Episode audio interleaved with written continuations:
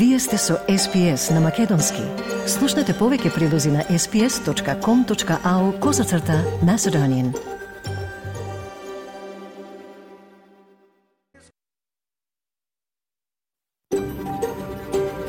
SBS, a world of difference. You're with SBS Macedonian on mobile, online, and on radio. Вие сте со SPS на Македонски, на мобилен, преку интернет и на радио. Се им одава признание на традиционалните собственици на земјата, народот Wurundjeri Вој Wurrung на нацијата Кулен, минати и сегашни, од чија земја ја имитуваме денешната програма. Добар ден, денеска е 29 август, со вас ќе биде Маргарита Василева. По билтенот Вести ќе известиме за најновите настани поврзани со Македонија, како и тоа дека бугарскиот премиер Николај Денков во интервју за бугарскиот вестник 24 часа вели дека Бугарија нема намера да отстапи од позициите кон Македонија. Тој вели дека разговорот веќе не е меѓу Бугарија и Македонија, туку меѓу Македонија и Европската Унија. А во Тирана во новата студентска година повторно ќе почне да работи лекторатот по македонски јазик од локалните теми попшено за искуствата на децата и младите луѓе кои живеат со алкохоличар или алкохоличар кој се опоравува. Ваквите искуства често може да останат нечуени, но благодарение на програмата Alateen сега има безбеден простор за младите да најдат поддршка. Повеќе детали после половина час. А кон крајот на програмата ќе чуете од годинешниот добитник на наградата Стојан Христов за најдобра книга поезија од Иселеник, што ја доделува Агенцијата за иселеништво на годишните струшки вечери на поезијата. Оваа година за поемата Светец на авторката Ирена Павлова Деодорико, која живее и твори во Италија. Милчо Јовановски се сретна со неа во Струга за разговор околу наградата. Затоа останете со нас, сега следуваат вестите на СПС со Радица Појковска Димитровска. Радица Повели. Благодарам Марга, добар ден и од мене. Во денешниот билтен, спасувачите допрва треба да ги извлечат телата на тројцата американски маринци кои загинаа по пад на хеликоптер на островот Мелвил, северно од Дарвин. Председателот на Европскиот совет, Шарл Мишел, на форум во Блед, Словенија, рече дека Европската унија ќе биде подготвена да прими нови членки до 2030 година. Македонскиот премиер Димитар Ковачевски вели 2030 е остварлива цел за членство во Унијата. И шпанското обвинителство отвори истрага против председателот на Фудбалската федерација на земјата Луис Рубиалес. Следуваат вестите на СПС на Македонски, останете со нас. Спасувачките екипи допрва треба да ги извлечат телата на тројцата американски маринци кои загинаа во пад на хеликоптер, додека службите за итни случаи го започнуваат третиот ден од нивната сложена мисија. 20 маринци беа пренесени во болница во неделата, откако нивниот хеликоптер се урна за време на вежба на островот Мелвил, северно од Дарвин. Пет минамаринци остануваат во болница, а еден од нив е во критична состојба. Амбасадорката на Соединетите Американски држави во Австралија, Керолин Кенеди, изразувајќи сочувство до погодените семејства, рече дека несреќата е подсетник на опасностите со кои се соочуваат оние кои служат во војската. I join President Biden and Secretary Austin from the United States in sending my deepest sympathies to the families and fellow Marines of those lost and injured in the recent crash in Tiwi Islands. This tragedy and the recent loss that Australia also suffered reminds us all how grateful we are to those who serve in uniform, risking their lives every day to protect and defend the country they love and to keep the rest of us safe. Групацијата Квантас откри дека вредноста на кредитите за летови што ги поседува е за 100 милиони долари повисока отколку што објави, додека авиокомпанијата го брани својот профит од милиарди долари.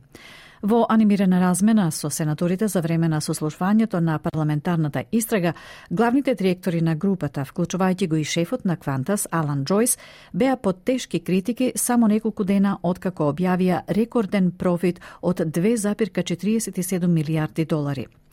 Извршната директорка на Jetstar, Стефани Тали, вели дека нискобуџетната компанија должи 100 милиони долари кредити за летови покрај 370 милиони долари што Квантас им должи на своите клиенти. Забраната за нацистичкиот поздрав е чекор близко до легислативата што треба да се воведе во парламентот во Викторија.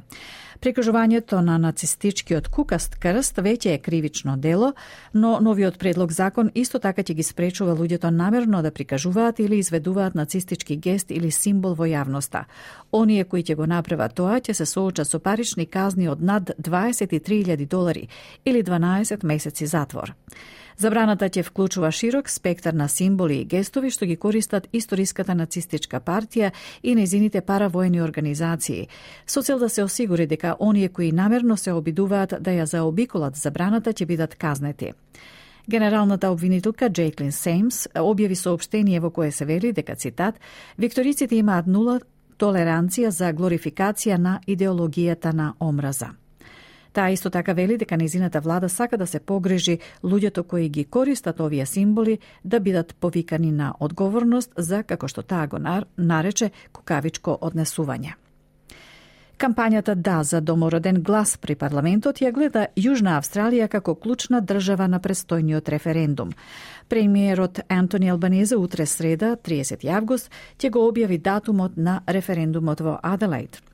Веројатниот датум е 14 октомври. Кампањата Да ги смета Јужна Австралија и Тасманија како држави кои се критични за кампањата Да, за да се постигне мнозинство од четири држави на референдумот, додека Западна Австралија и Квинсленд се очекува најверојатно да гласаат не. Сеопфатни информации за референдумот може да најдете ако го посетите порталот на SBS Voice Referendum на sbs.com.au косацртичка Voice Referendum. Лидерот на Европската Унија Шарл Мишел вели дека Унијата би можела да пречека нови членки од Источен Балкан до 2030 година. Ова би ги вклучило Украина и Молдавија. Како председател на Европскиот совет, Шарл Мишел председава со највисокото одлучувачко тело на Унијата. Во своето обраќање на стратешкиот форум во Словенија, господин Мишел рече дека Европската Унија би била посилна и побезбедна со повеќе членки. We must talk about timing. We must talk about our homework and have a suggestion. As we prepare the EU's next strategic agenda, we must set ourselves a clear goal. I believe we must be ready on both sides by 2030 to enlarge. Господин Мишел исто така го нарече прозорец на можности за Босна и Грузија да станат земји членки. А по билатералната средба со македонскиот премиер, председателот на Председателот на Европскиот совет Шал Мишел имаше и билатерална средба со македонскиот премиер Димитар Ковачевски, пошто рече дека целосно ја поддржува иницијативата за уставни измени и покрај многуте политички спротивставености.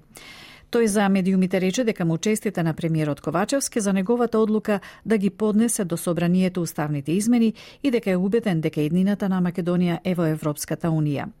Според Ковачевски, членството за Македонија во Унијата до 2030 е остварлива цел доколку се направат потребните реформи. Очекувам дека Европската Унија ќе најде и ќе смогне сили да го стави проширувањето на својата приоритетна листа, рече премиерот Димитар Ковачевски на лидерскиот панел на Бледскиот стратешки форум, што се одржа завчера и вчера на Блед Словенија под мотото Солидарност за глобална безбедност, пренесе Мија. А во меѓувреме лидерот на опозицијската ВМРО ДПМН Христијан Мицковски даде интервју за српскиот весник Политика, во кое вели дека нема гаранции дека ова ќе биде последната промена на уставот. Тој рече цитат: Македонија за 30 години го има изменето уставот повеќе од сите земји членки на Европската унија заедно. Ако тоа беше условот на Брисел, досега ќе бевме членка и шампион на Европската унија. Мицкоски останува цврст на ставот дека прво треба да се одржат избори, па потоа да се разговара за евентуални уставни измени. Тој во интервјуто упати и порека дека изборите се демократски чин и начин народот да се изјасни за политичките процеси во една земја и да даде мандат за тоа дали и под кои услови ќе се менува македонскиот устав. На стратешкиот форум во Блед, Словенија, премиерот на Хрватска Андреј Пленковиќ изјави дека единствениот пат кога станува збор за проширувањето на Европската Унија е елиминирање на билатералните прашања. Како најтипичен пример ја наведе Македонија, која што прво беше блокирана од страна на Грција, а сега од Бугарија. Пленковиќ рече дека тоа не е фер и дека тоа што го кажува со години ќе продолжи да го кажува и натаму. Република Мали ги презете поранешните бази на силите на Обединетите нации кои се повлекуваа, кои беа во земјата да да и помогнат во незината борба против исламските групи. Ова се случува во контекст на соседен Нигер, каде има слична ситуација на преземање од страна на хунта, која што исто така има за цел да ги замени мировните сили на Обединетите нации. Мали е управуван од хунта, која што ја презеде власта во 2020 година и побера повлекување на силите на Обединетите нации, познати под акронимот МИН Минусма и наместо тоа ја остави руската вооружена група Вагнер да влезе во земјата. 13.000 луѓе на Минусма се заменети со околу 1000 вагнерски платеници. Обединетите нации вчера дебатираа за ова прашање, при што представникот на Мали, Иса Конфуру, ја поздрави промената. MINUSMA's withdrawal, whose mandate was poorly adapted to the Malian context, as had been pointed out repeatedly by many members of this organization, follows a strong demand for the step from Malian populations.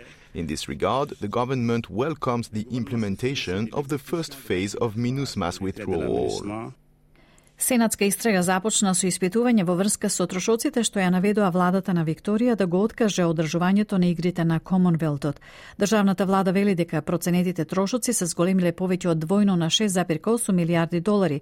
Партнерите на консултантската фирма Ernst Young, кои го дадоа оригиналниот деловен случај, ја бранеа својата работа, но одбија да одговорат на прашањата за тоа колку биле платени. Сенаторката од Националната партија Бриджит Мекензи ја критикуваше фирмата поради незината неподготвеност да излезе јавно и да каже колку била платена да развие бизнес случај, што ги чини даночните обврзници на Викторија стотици милиони долари за непостоечки игри на Комонвелтот. A senior one of the big four sitting here and saying you're not prepared to be public about what you were paid to actually develop a business case that has seen Victorian taxpayers fork out hundreds of millions of dollars for a non existent Commonwealth Games is an appalling disrespect to this committee but also Australian taxpayers. Обвинителите во Шпанија започнаа истрага против председателот на Фудбалската федерација на земјата Луис Рубијалес, бидејќи бесот станува се поголем поради тоа што ја бакнал фудбалерката Джени Хермосо. Тие испитуваа дали неговиот несакан бакнеж значи криминален напад, при што ја прашале Хермосо дали сака да поднесе жалба. Рубиалес се појави на итен состанок на Кралската шпанска фудбалска федерација, додека неговата мајка Анхелес Бејар вели дека штрајкува со глад во знак на протест против, како што го нарекува, нехуманиот и крвав лов што се спроведува против незиниот син.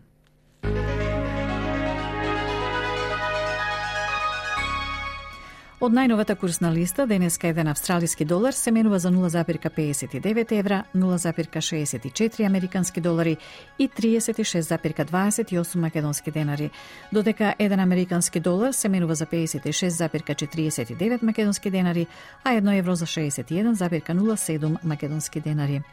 Еве анако со и временската прогноза за главните градови за утре, среда 30 август, Перт сончево, максималната ке стаса до 24 степени, Аделаид краткотрени слаби врнежи максимална 16, Мелбурн врнежливо 15, идентично и за Хобарт врнежливо 15, слаби краткотрени врнежи се прогнозираат за Камбера и максимална 18, Сиднеј врнежливо со услови за бура 24, слично и за Бризбен со максимална до 25, Дарвин сончево 35, сончево и за Алис Спрингс со максимална до 28 степени.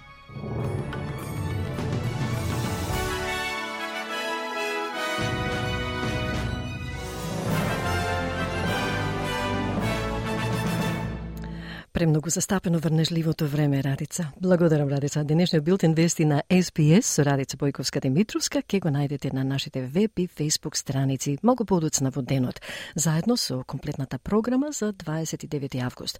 Со вас е Маргарита Василева, а вие сте со SPS Audio на македонски. Нарете редовниот извештај од Македонија, но пред се неколку пораки од станицата.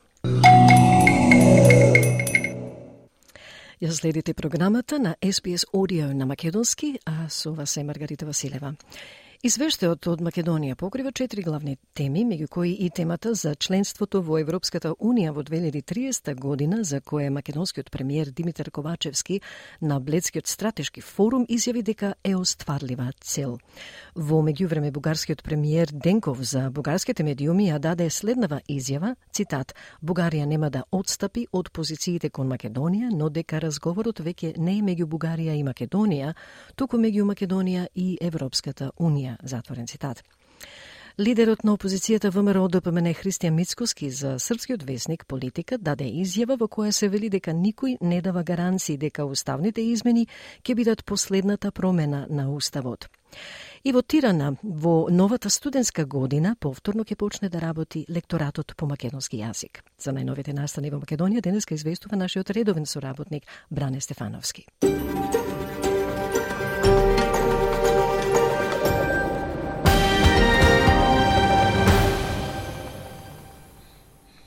Членството во Европската Унија до 2030 година е остварлива цел – Треба да дадеме се од себе во смисла на реформите, а очекувам дека ЕУ ќе најде и ќе смогне сили да го стави проширувањето на својата приоритетна листа, рече премиерот Димитар Ковачевски на лидерскиот панел на Бледскиот стратешки форум, што се одржа завчера и вчера на Блед Словенија под мотото Солидарност за глобална безбедност, пренесува МИА во врска со блокадите во последниве 30 години од страна на соседите, Ковачевски изјави. А овие блокади доаѓаат од земји членки на ЕУ во бранови, кои што се користат главно за нивната домашна политика, а не за меѓународната сцена. Токму затоа сум охрабрен од прв пат ваква изјава која што ја даде председателот Мишел дека Европската унија треба и ќе го валидизира својата добра намерност и својата волја за проширување. Бугарскиот премиер Николај Денков во интервју за бугарскиот вестник 24 часа вели дека Бугарија нема намера да отстапи од позициите кон Македонија. Тој вели, Скопје мора да ги исполни сите обврски на кои се обврза пред ЕУ. Тој вели дека со реализирањето на така наречениот француски предлог по кој беше укинато ветото, разговорот веќе не е меѓу Бугарија и Македонија, туку меѓу Македонија и Европската Унија.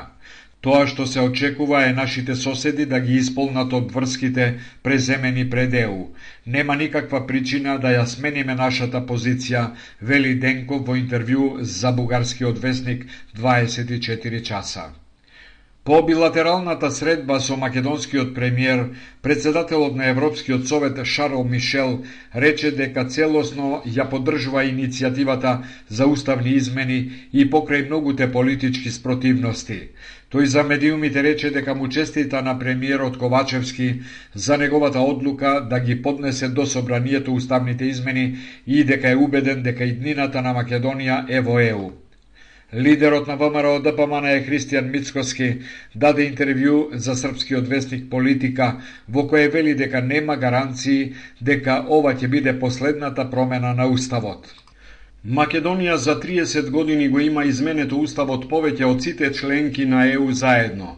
Ако беше тоа условот на Брисел, до сега ќе бевме членка и шампион на Европската Унија, вели Мицкоски во интервјуто. Тој прашува која е гаранцијата дека овие уставни измени ќе бидат последни, дека утре нема да се бараат нови промени кои се од идентитетски карактер или нема да се бара ново минимизирање и бришење на асном како темел на македонската државност. Според Мицкоски, од Бугарија стигнуваат сигнали кои отворено го негираат и линденското востание и неговиот карактер, зашто повторно немало никаква реакција од страна на Министерството за надворешни работи. Мицкоски останува цврст на ставот дека прво треба да се одржат избори, па потоа да се разговара за евентуални уставни измени. Тој упатува порака дека изборите се демократски чин и начин народот да се изјасни за политичките процеси во една земја и да даде мандат за тоа дали и под кои услови ќе се менува македонскиот устав, вели Мицкоски во интервју за српскиот вестник Политика. Министерот за надворешни работи Бујар Османи на Бледскиот стратешки форум изјави дека е убеден дека процесот за уставните измени ќе заврши успешно во наредните недели и месеци. Процесот е почнат. Како што гледате, целиот свет и САД и ЕУ ја поздравија одлуката да го почнеме процесот. Убеден сум дека овој процес ќе заврши успешно во наредните недели и месеци, изјави Османи за миа при учеството на Бледскиот стратешки форум. Како што јавува Мија од Блед, Османи рекол дека Бледскиот форум е уште една платформа да се испрати порака дека мора да се направи посуштински исчекор за интеграцијата на Западниот Балкан во ЕУ до 2030 година. Од новата академска 2023-2024 година повторно ќе функционира лекторатот по македонски јазик на Факултетот за странски јазици на Универзитетот во Тирана. Тоа е резултат на заедничките заложби на меѓународниот семинар за македонски јазик, литература и култура при Универзитетот Свети Кирил и Методи во Скопје и Македонското друштво Илинден од Тирана. Деканот на Факултетот за странски јазици при Универзитетот во Тирана, професор доктор Есмералда Кромида, позитивно одговори на барањето на председателот на Македонското друштво Илинден Никола Ѓурѓај за повторно отворање на лекторатот. Интересот за изучување на македонскиот јазик во Тирана е голем како кај македонското малцинство, така и воопшто во албанското општество, меѓу новите генерации филолози, соопштува Друштвото Илинден. Лекторатот по македонски јазик ќе биде клучен за унапредување на културните врски меѓу двата народа и двете држави, за развивањето на добрососедските односи и за градењето нови мостови на соработка меѓу македонската и албанската академска научна средина. Во својата објава за добиениот официјален допис, Македонското друштво Илинден од Тирана ги истакнува залагањата и поддршката од Дуким за повторното отворање на лекторатот по македонски јазик во комуникација и соработка со колегите од Тиранскиот факултет за странски јазици. Вчера православните верници во Македонија го прославија големиот празник Успение на Пресвета Богородица. Централната литургија се одржа во истоимениот манастир на Матка крај Скопје, на која чино началствуваше архиепископот Стефан.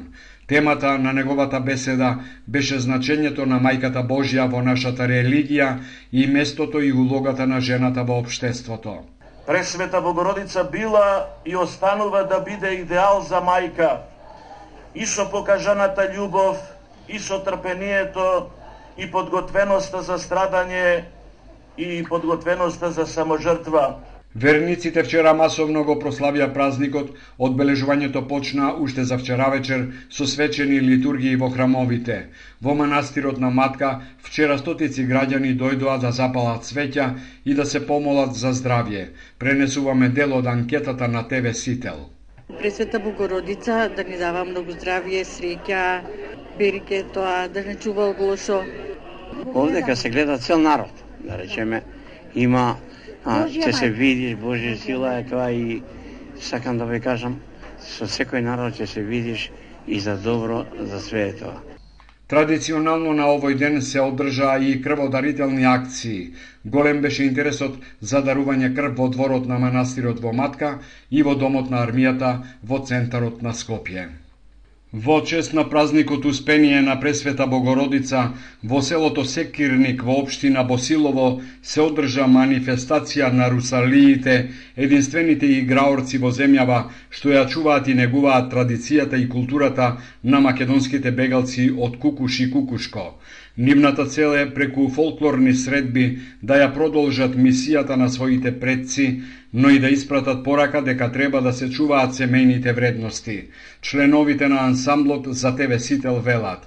Преку Руселиите ние даваме порака да се сечуваат семејните и традиционалните вредности. Ако било кој народ се оддалечи од семејните и традиционалните вредности, тогаш а, било каков народ да биде и со богата традиција, во истот момент престануваат и ја губат, ја губат смислото на тоа. На 12-тата средба на Русалиите во Секирник настапија неколку фолклорни ансамбли и русалиски групи од земјава, но и гости од соседна Бугарија. Бране Стефановски се јави од Македонија за настаните од 29 август, а за поширок избор теми да ве подсетиме дека можете да посетите нашите Facebook и веб страници SPS Macedonian и sps.com.au косацрта Macedonian, каде ќе најдете интервјуа, репортажи, прилози и видеоклипови кои нашата редакција ги подготвува на теми како што се македонска култура, јазик и наследство, спорт, политика, музика и многу други. А за коментари одете на Facebook страницата и оставете го вашиот коментар таму. По неколку рекламни пораки и малку музика ќе ве запознаеме со една програма која дава поддршка на младите луѓе кои живеат со алкохоличар. Во следниот прилог ќе слушнете за месецот август кој е посветен на искуствата на децата и младите луѓе кои живеат со алкохоличар. Месецот е познат како Alateen Awareness Month. Искуствата на децата и младите луѓе кои живеат со алкохоличар или алкохоличар кој се опоравува, често може да останат нечуени. Алатин е програма која има за цел да се справи со оваа тишина, обезбедувајќи безбеден простор за младите да најдат поддршка. Од прилогот на Анджелика Уейт за SBS News.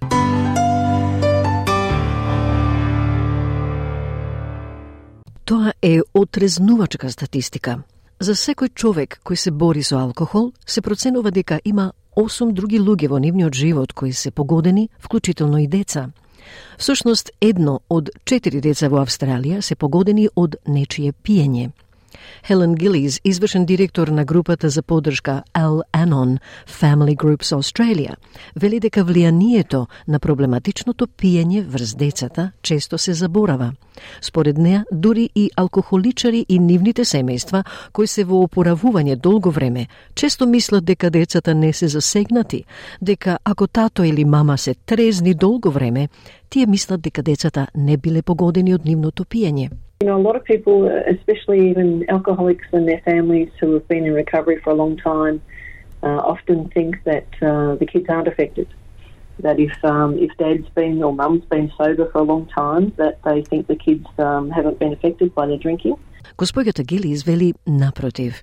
Децата на алкохоличари или алкохоличари кои се опоравуваат почесто се сериозно погодени од искуството. Таа вели често гледаат проблеми на училиште, проблеми во концентрацијата, проблеми во однесувањето, што изгледаат ненамерни со нормалното однесување на детето, проблеми со вниманието и проблеми со социјалната интеракција. Often we'll see um, problems at school, problems in concentration, um, behavioural problems that seem out of character with the child's normal behaviour, um, attention problems, that sort of thing, um, and social interaction problems as well. Семејната група Al Anon е национална организација која ги поддржува семејствата и пријателите на проблематичните алкохоличари и помага на Алатин, што само по себе е друштво на млади членови на Al Anon, обично тинејџери, чии животи биле засегнати од тугиот однос со алкохолот. Програмата Алатейн има за цел да ја признае сериозноста на овие живеани влијанија и немојкта што децата и младите често ја чувствуваат. Господјата Гели извели дека состаноците ги учат младите за изборот што го имаат и им помагаат да разберат она што не можат да го контролираат. Гелис вели, кога разговараат со тинејџерите, тие често велат дека се трудат да се држат настрана од нивните родители, се трудат да не предизвикаат дополнителни проблеми, но честопати чувствуваат одговорност. Тие се чувствуваат како да се некако виновни и како да треба да го контролираат однесувањето на нивните родители, а многу од овие млади луѓе чувствуваат дека треба да ја зголемат одговорноста да се грижат за своите родители, што не е онака како што би требало да биде. Um, but you know, when we talk to these these um, teenagers, they they often say that they try and um, stay out of their parents' way. They try not to cause any extra trouble. Um, but they often feel responsible. They feel like they're somehow to blame. They feel like they need to control their parents' behaviour, and, and quite a few of these um, young people feel like they need to step up their responsibility to take care of their parents, which is which is not how it's supposed to be. Постојат околу 26.000 групи на Al Anon и Alateen ширум светот, а состаноците на Alateen се одржуваат редовно во секоја австралиска држава. Присутните на состаноците на Алатейн се охрабруваат да ги споделат искуствата, силата и надежта едни со други и да разговараат за нивните тешкоти. Клучниот принцип на пристапот на Алатейн е дека го водат луѓе со доживеано искуство на растење или живење со некој кој има проблем со алкохолот. Джоджи Равуло е председател за социјална работа и политички студии на Универзитетот во Сиднеј.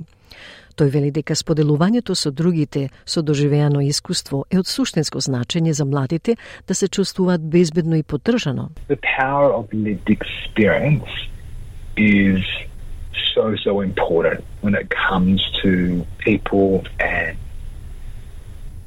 interactions with others that may have impacted negatively by those that use substances. So having support group services that enable other young people to feel connected with others that may have similar experiences and support them to feel less alone. Стефани е председател на Советодавниот комитет на Alateen за Alateen Australia. Таа моментално е спонзор на младите членови на Alateen и предходен член. Стефани беше упатена до Алатин како 8 годишно дете, дете погодено од пиењето на член на незиното семејство, а таа присуствувала на состаноците на Алатин во текот на незините тинејџерски години. Та вели, спонзорите беа присутни само за да ги водат доколку е потребно, меѓутоа децата ја презедоа одговорноста. Деца кои немаа поддршка или разбирање од другите луѓе околу нив за она што го доживуваат дома. Effectively, the sponsors were there just to guide, if needed, um, the kids, but it was really the kids who took charge. We're talking about kids who for a lot of uh, Alateen members or people that come into Alateen, they might have been quite invisible at home um, not had the support or the understanding of other people around them for what they're experiencing at home. Стефани вели дека состаноците во Алатин и дале безбеден простор за споделување со другите кои доживувале слични работи. Еден од другите принципи на програмата е што сите остануваат анонимни. Она што се зборува во групата нема да се повтори. So I was able to speak with people that understood what I was going through. So I didn't feel helpless and hopeless. And I, one of the other principles of the program is that it's very anonymous. So um, I knew that whatever I said there, regardless of whether the people in the meetings knew my family or not, that it wasn't going to be repeated. So I felt uh, like I could say what I needed to say in a safe environment and get things off my chest, which as a, a teenager was very uh, helpful. Една од целите на состаноците на Алатин е да помогне во ублажувањето на срамот кај многу млади луѓе кои живеат со чувство на алкохолизам. Джоджи Раволо вели дека решавањето на овој срам помага многу во борбата против штетните меѓугенерацијски циклуси на злоупотреба на субстанции и траума. Programs like Alateen really provide practical strategies and solutions to assist young people to understand possible ways to deal with those traumas or deal with those problems so that it doesn't create problems for their own possible usage in the future. За Стефани, опасноста е што чувствата на срам наведуваат многу млади луѓе да молчат за своите искуства. Но таа вели дека никој не мора да се чувствува така. For myself personally, I felt very responsible to keep everything under control in the household at a very young age, and um, also to try and deal with things that were happening at home privately, not to uh, let anyone know what was going on. So, coming to Alateen and talking about those things kind of for the first time and alleviating that shame. За искуствата на децата и младите луѓе кои живеат со алкохоличар или алкохоличар кој се опоравува, извести Анджелика Уейт за SBS News.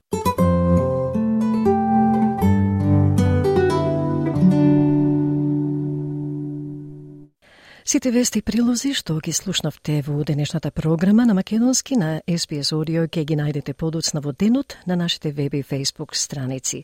А за прашања или коментари за било кој дел од програмата оставете порака на нашата Facebook страница. За оние кои не можеа да присуствуваат на овогодишниот Линденски фестивал во организација на FOMCUT во Мелбурн, се обидовме да ви донесеме дел од атмосферата на вечерта, како и на стапите на младите и надежни играорци на друштвата, со вчерашниот извештај на Васе Коцев. Ако доколку сакате да го слушнете, побарајте го подоцна во денот на нашите веб и фейсбук страници. За крај, останете со нас за разговорот со најновата наградена авторка на Струшките вечери на поезијата. Вие сте со SPS Audio на македонски, а со вас е Маргарита Василева.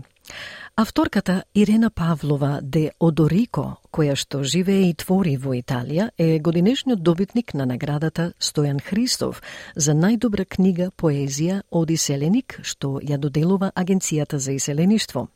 Наградата е доделена со одлуката на жири комисијата на Струшките вечери на поезијата за поемата Светец.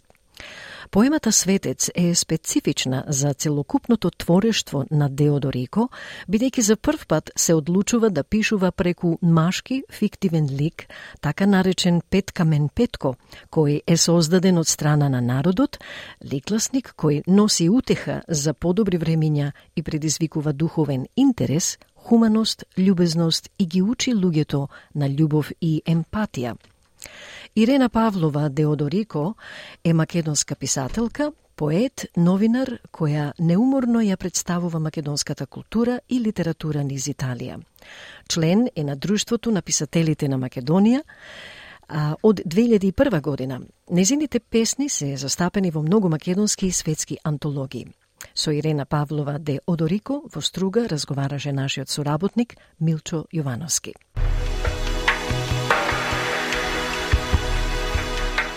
Ирена, честитки за наградата. Благодарам од се срце. Како делуваше врз тебе тој податок и таа информација дека ете годинава ти си доби наградата Стојан Христов. Знаеме и не осем како поет и како новинар која долго работеше токму во културата. Е, убаво прашање, ти благодарам, драг пријателе, ние и сме соработувало, еле со Радио Окрит, уште од пред години, не сме ни така стари, ама едноставно... Многу паметиме. Многу паметиме, ете така.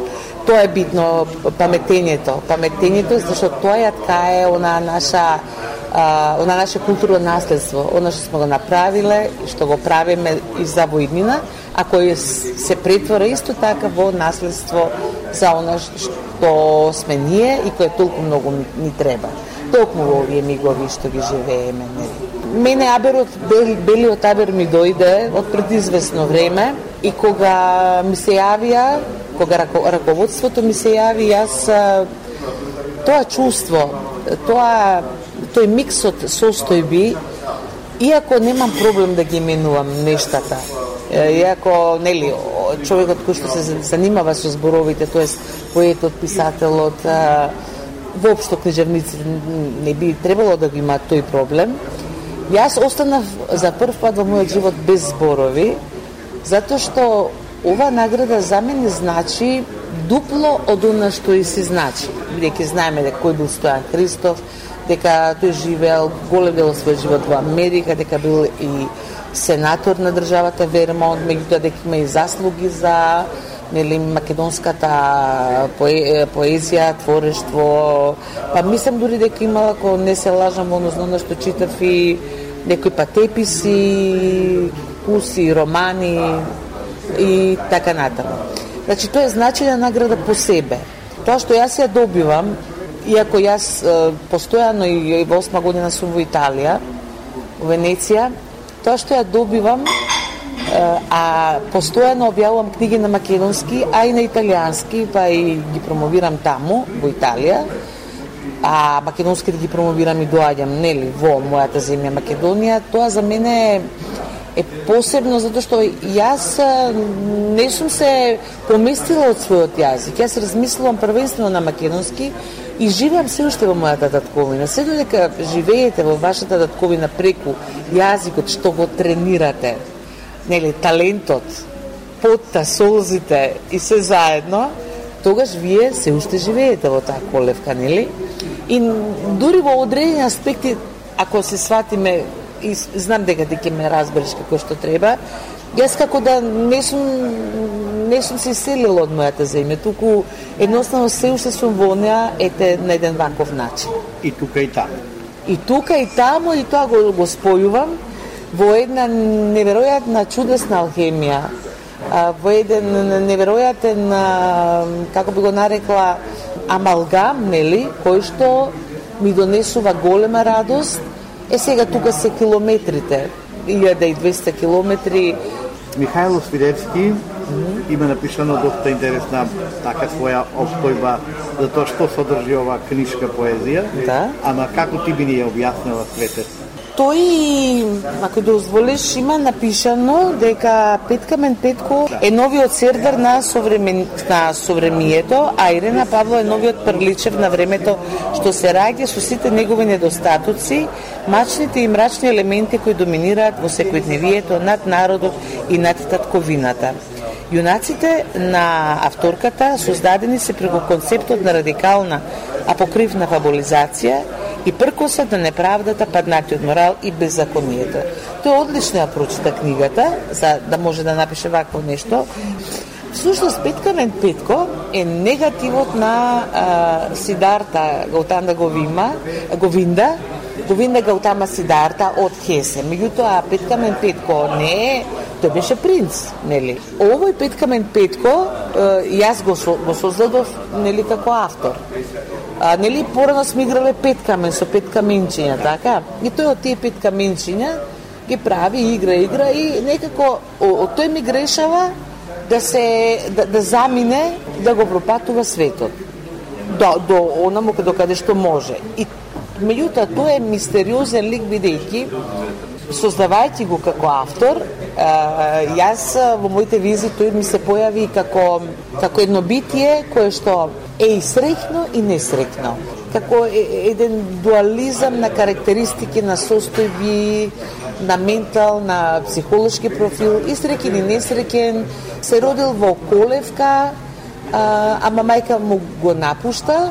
Се родил со едно запче, а тоа нели по нашите веруваат ако се родиш со запче, ќе следи следи несреќи, меѓутоа Света Петка има еден една глава која што она она го зема под свое и едноставно го заштитува како патник. И тој на тој пат, практично, а во добар дел, нели, тоа важи за Македонија, едноставно гледа, обсервира, му се отвора тоа трето око и гледа дека човекот, македонецот него, тоа не е така стрикно назначено, ама предпоставуваме дека едноставно, а тој е смешко, се смее многу, тој е жизнерадосен човек и покрај се што дожива и гледа се повеќе драми во народот.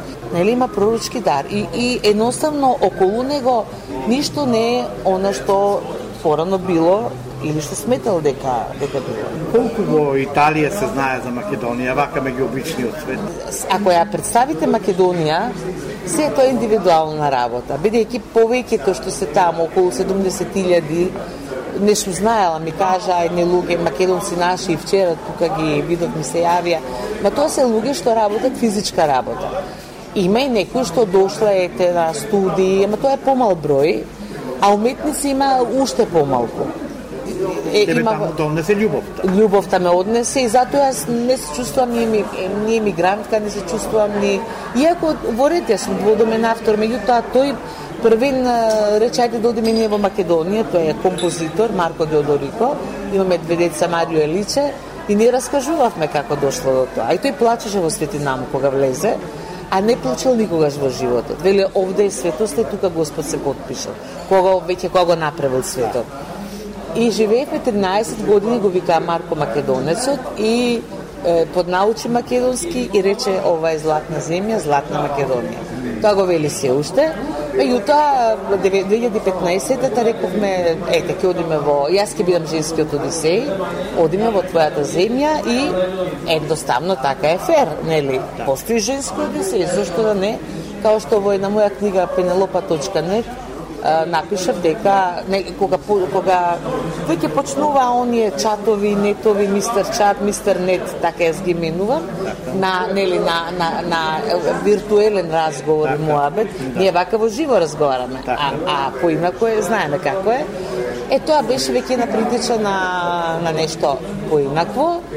Е тоа беше исто таа Пенелопа.нет. И сега сум женскиот Одисеј радикал, зашто радикална покривна фабулизација? Така крсти Академикот така крсти мојата поетика во поеми, тоа е поема, имаме проза, имаме и книги, песни, ја крсти затоа што како радикална покривна фабулизација, затоа што тоа се е, е, ликови земени од митологијата, меѓутоа јас на теми ги превртам. Као на теме во, знаете, во јогата ја не успеам тоа да го направам, во, во творештвото некако ми успеа. Пародија, иронија, травестија и тоа е карамбол кој според мене ми функционира и можам да го правам. Како ќе ги помниш овие денови во Македонија и е пет минути на славата? Па добро, пет по пет по пет, е, е, е, која ќе израчунам. Овие најновите? Најновите, о, па тие пет би рекла дека се, не знам ако, ако велиме пет минути во, во доменот и во контекстот на едно вакво време што го броиме со преку попад на часовниците, јас би рекла дека тоа се, не знам, 5 милиарди светлосни години на чудесно чувствување, на, на чудесна радост, на жизна радост, а, без моите сум овде, таму се тие, ми не достигаат, меѓутоа ти велат, мамо, и мојот смил, ти светиш овде, во, во твојата Македонија, во, твоја, во оваа струга, во твојата поетска струга, во твојот свет. Значи, ја мислам дека и, и, и веќе сум во таа клима, велат италијаните, клима партита, која треба да гледат фудбал, па се спремаат. Леле во клима да влезат. Јас влегувам во климата на тоа, нели, што веќе едноставно се случи. И сам излегувам од таа клима, а та, влезот во таа клима беше чудесен. А ти да те фајка ли може виш да велиме помалку да бидеш и новинарка? Па ја знаеш ти, јас сум новинарка од мојата 21 па до својата колку веќе тоа 27 години, па неколку години во Италија. Па, знаеш сега веќе подсакувам пак и го имам го имам тој нерв и тоа искуство, архивата си ја имам, па зошто да не? Па зошто да не и натаму, да веќе почнувам повторно некој подкаст да да правам и да организирам и, и така. Беше... А работам во библиотека инаку. Ирена Павлова Деодорико, добитничката на наградата Стојан Христов за 2023 на SBS радио во Австралија, те те слушаат и на петиот О, чудесно. Ја, јас и поздравувам, тебе те поздравам како прво, ти благодарам за овој разговор, интервју. Ме направи, ми го направи и ти денот.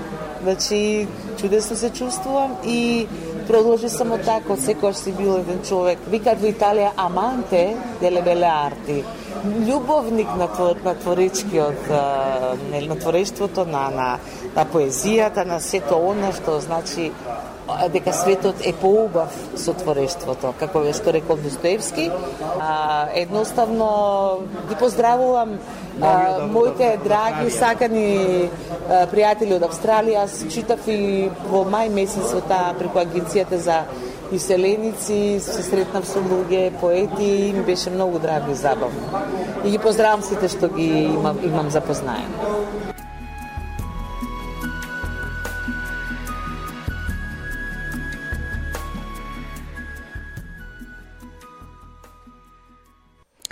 Тоа беше разговорот на Милчо Јовановски, нашиот редовен известувач од Македонија, со авторката Ирена Павлова Деодорико, која што живее и твори во Италија.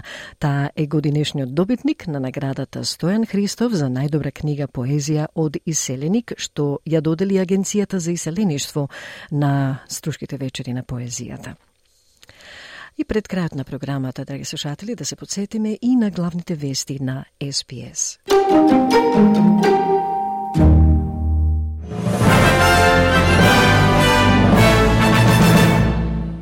Спасувачите допрва треба да ги извлечат телата на тројцата американски маринци кои загинаа по пад на хеликоптер на островот Мелвил, северно од Дарвин.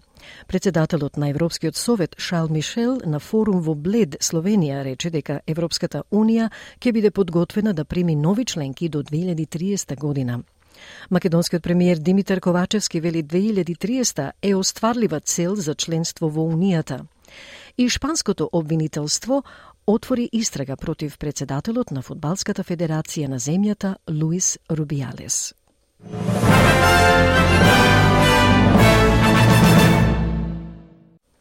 Драги слушатели, тоа е се за денеска, 29 август. Ве очекуваме повторно утре за следната емисија на македонски јазик на SPS Audio. А до тогаш, од Маргарита Василева, пријатно попладне.